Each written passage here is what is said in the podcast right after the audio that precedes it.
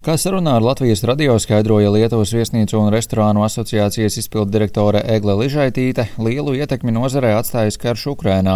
Gan pavasarī, gan vasarā atceltas daudzas grupu rezervācijas. Tomēr viesnīcu īpašnieki, īpaši Viļņā, ir vairāk vai mazāk apmierināti ar piepildījumu. Pieprasījums šogad jūnijā un jūlijā bijis aptuveni tāds pats kā pirms pandēmijas. Tikmēr Palangas uzņēmēji norāda, ka rezervāciju skaits esot par desmit daļu mazāks nekā pērn. Savukārt cenas nozarē kopumā vēl nav nav sasniegušas 2019. gada rādītājus. Uh,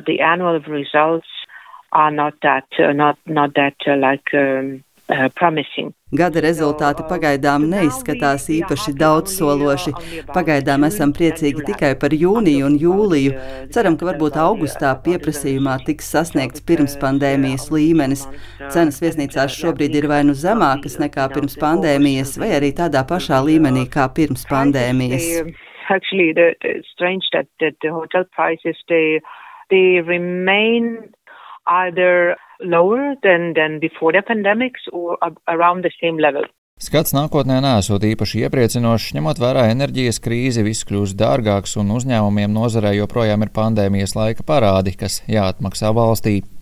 Savukārt Igaunijas viesnīcu un restorānu asociācijas izpildu direktore Kilu Maidla norādīja, ka izmaksas pēdējo divu gadu laikā, īpaši pēdējā pusgada laikā, ir viennozīmīgi pieaugušas, taču tas vēl nav atstājis lielu ietekmi uz gala cenu.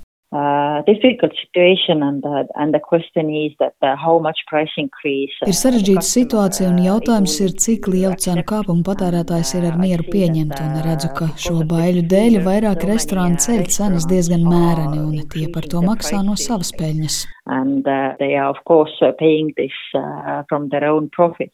uh. Vērojams neliels cenu pieaugums restorānos, kas skaidrojams ar pārtikas cenu pieaugumu, savukārt viesnīcu cenas, piemēram, Tallinā, ir pieaugušas salīdzinot ar pagājušo gadu, tomēr tās joprojām nav sasniegušas pirms pandēmijas līmeni.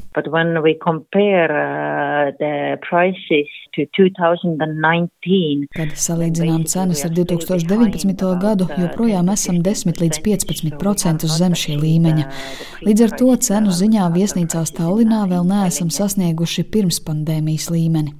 Maidla atgādina, ka cenu kāpums jāskata ņemot vērā arī to, ka ir vasara un pieprasījums ir pieaudzis, un tādās vietās kā Pērnava, Kurasāri un Sāremā pieprasījums ir ļoti augsts un cenas ir nedaudz pieaugušas.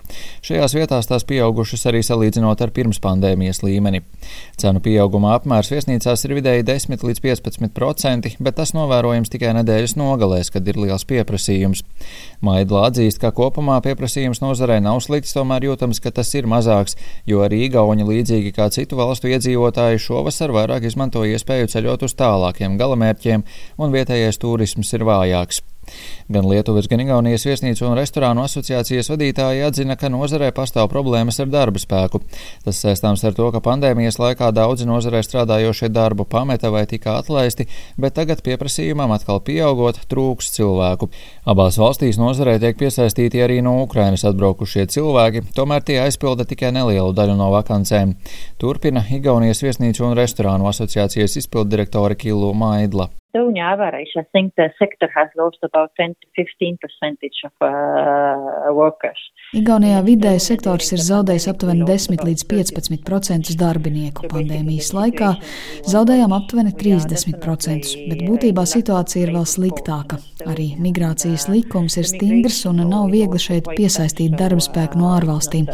Protams, cenšamies piesaistīt ukraiņus, cik daudz varam, bet tas vienalga nav pietiekami un sektoram nepieciešami jauni profesionāļi. Arī Lietuvas viesnīcu un restorānu asociācijas izpildirektore Egla Ližaitīte skaidro, ka daudz darbinieki ir pametuši sektoru, savukārt interese no cilvēkiem par sezonālu darbu šajā jomā nesot īpaši augsta. Lietuvā šajā nozarē pēc Ližaitītes aplēsēm šobrīd trūkst aptuveni ceturtā daļa darbinieku. Savukārt Ukrainas bēgļi aizpilda salīdzinoši nelielu daļu, un šajā sektorā Lietuvā nodarbināti aptuveni 2000 ukrāņu, jeb aptuveni septītā daļa no visiem darbiniekiem. Rihards Plūme, Latvijas radio.